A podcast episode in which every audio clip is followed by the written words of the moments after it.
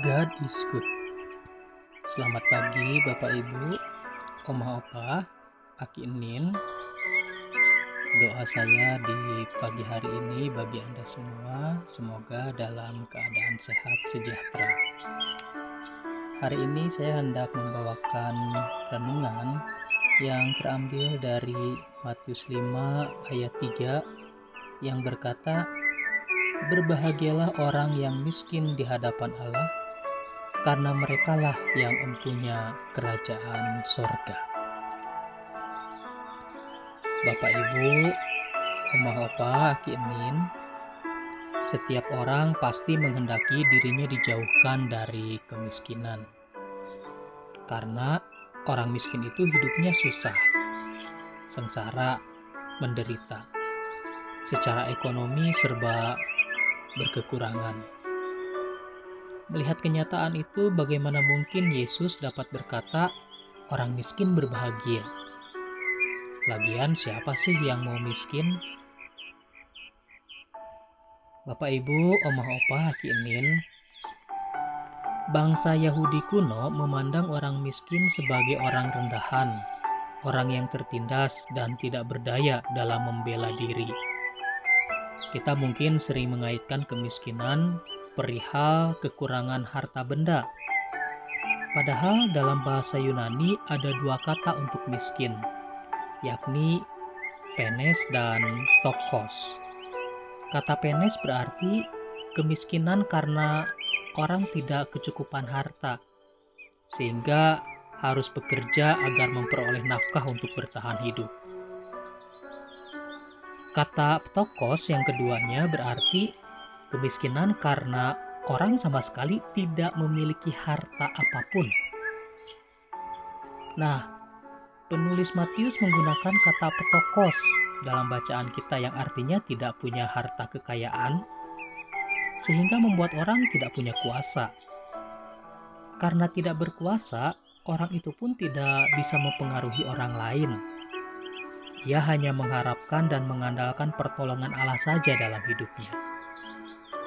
Jadi miskin yang dimaksud adalah keadaan tak berdaya dari orang yang tidak memiliki harta apa pun dan tidak mengharapkan pertolongan dari siapa pun, sehingga hanya percaya dan mengandalkan bantuan Allah saja. Ia seutuhnya mengandalkan Allah. Karena membutuhkan Allah, setiap orang yang mengosongkan diri dan dengan rendah hati mohon agar Allah yang memenuhinya. Sikap rendah hati dan percaya penuh kepada Allah itulah yang diistilahkan dengan miskin di hadapan Allah.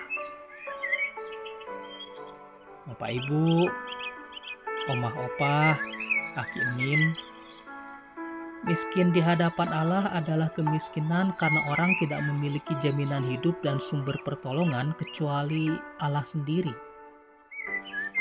Alhasil, orang akan dihindarkan dari kelekatan pada harta kekayaan duniawi dan secara total mempercayakan diri hanya pada Allah. Hanya orang seperti itulah yang akan memperoleh kebahagiaan sebab ialah yang mempunyai kerajaan sorga. Hanya orang yang menyadari ketidakberdayaan dan ketidakmampuan dirinya sendiri serta mengandalkan kuasa Allah yang dapat menuruti kehendak Allah. Hanya orang yang melakukan kehendak Allah yang dapat menjadi warga kerajaan surga.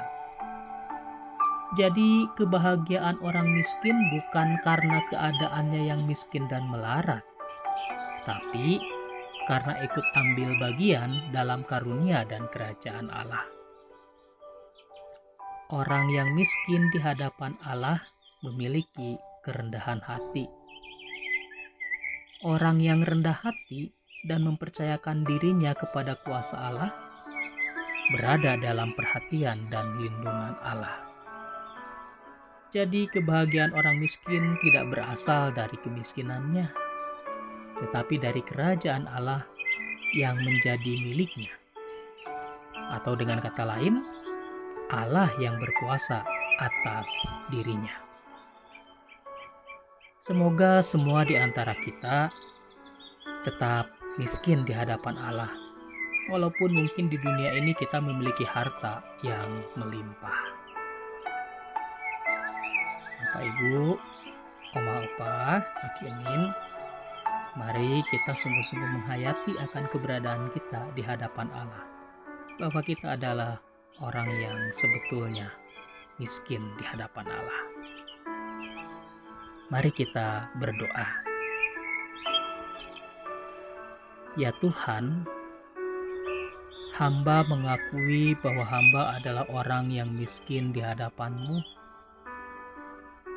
Ketika hamba Engkau lahirkan ke bumi ini, hamba tidak memiliki apa pun selain nafas kehidupan yang Engkau hembuskan. Biarlah hamba mengecap kerajaan sorga baik sekarang ini maupun dalam kehidupan kekal kelak. Amin. Terima kasih Bapak Ibu, Omah Opah Hakinin telah bersama saya dalam sapaan pagi hari ini. Sampai berjumpa kembali dalam sapaan berikutnya di waktu-waktu yang akan datang. Salam sehat. God is good.